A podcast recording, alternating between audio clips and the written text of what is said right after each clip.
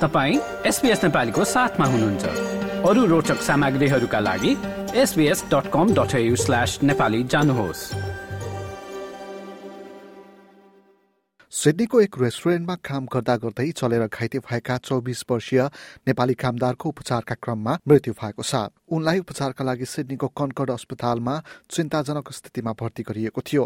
New south Wales प्रहरीका अनुसार उपचारकै क्रममा बिहिबार सात जुलाईका दिन उनको मृत्यु भएको हो। मृत युवक पारामाटा स्थित रिभर रोड वेस्टमा रहेको अन सनसेट रेस्टुरेन्टमा कार्यरत थिए। मंगलबार एक्काइस जुन राति करिब दस बजेको समयमा सो रेस्टुरेन्टमा आगो लागेको भन्दै आपतकालीन सेवाहरूलाई बोलाइएको प्रहरीको भनाइ छ।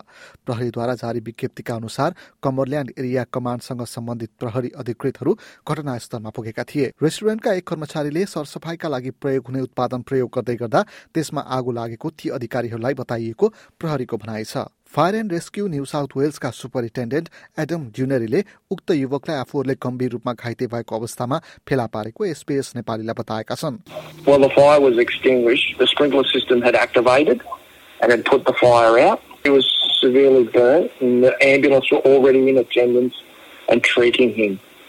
So it'll be police and fire investigators. The police will be preparing a brief. Um, to, yeah, police will prepare the brief on the cause and origin of the fire. The team's role was to, well, they went to a fire that had occurred, so they investigated. The fire was extinguished. There were 150 people evacuated from the residential towers above. So what the firefighters did was make sure that the fire was extinguished. Then they reset the sprinkler system and pumped it back up and then let the people back in.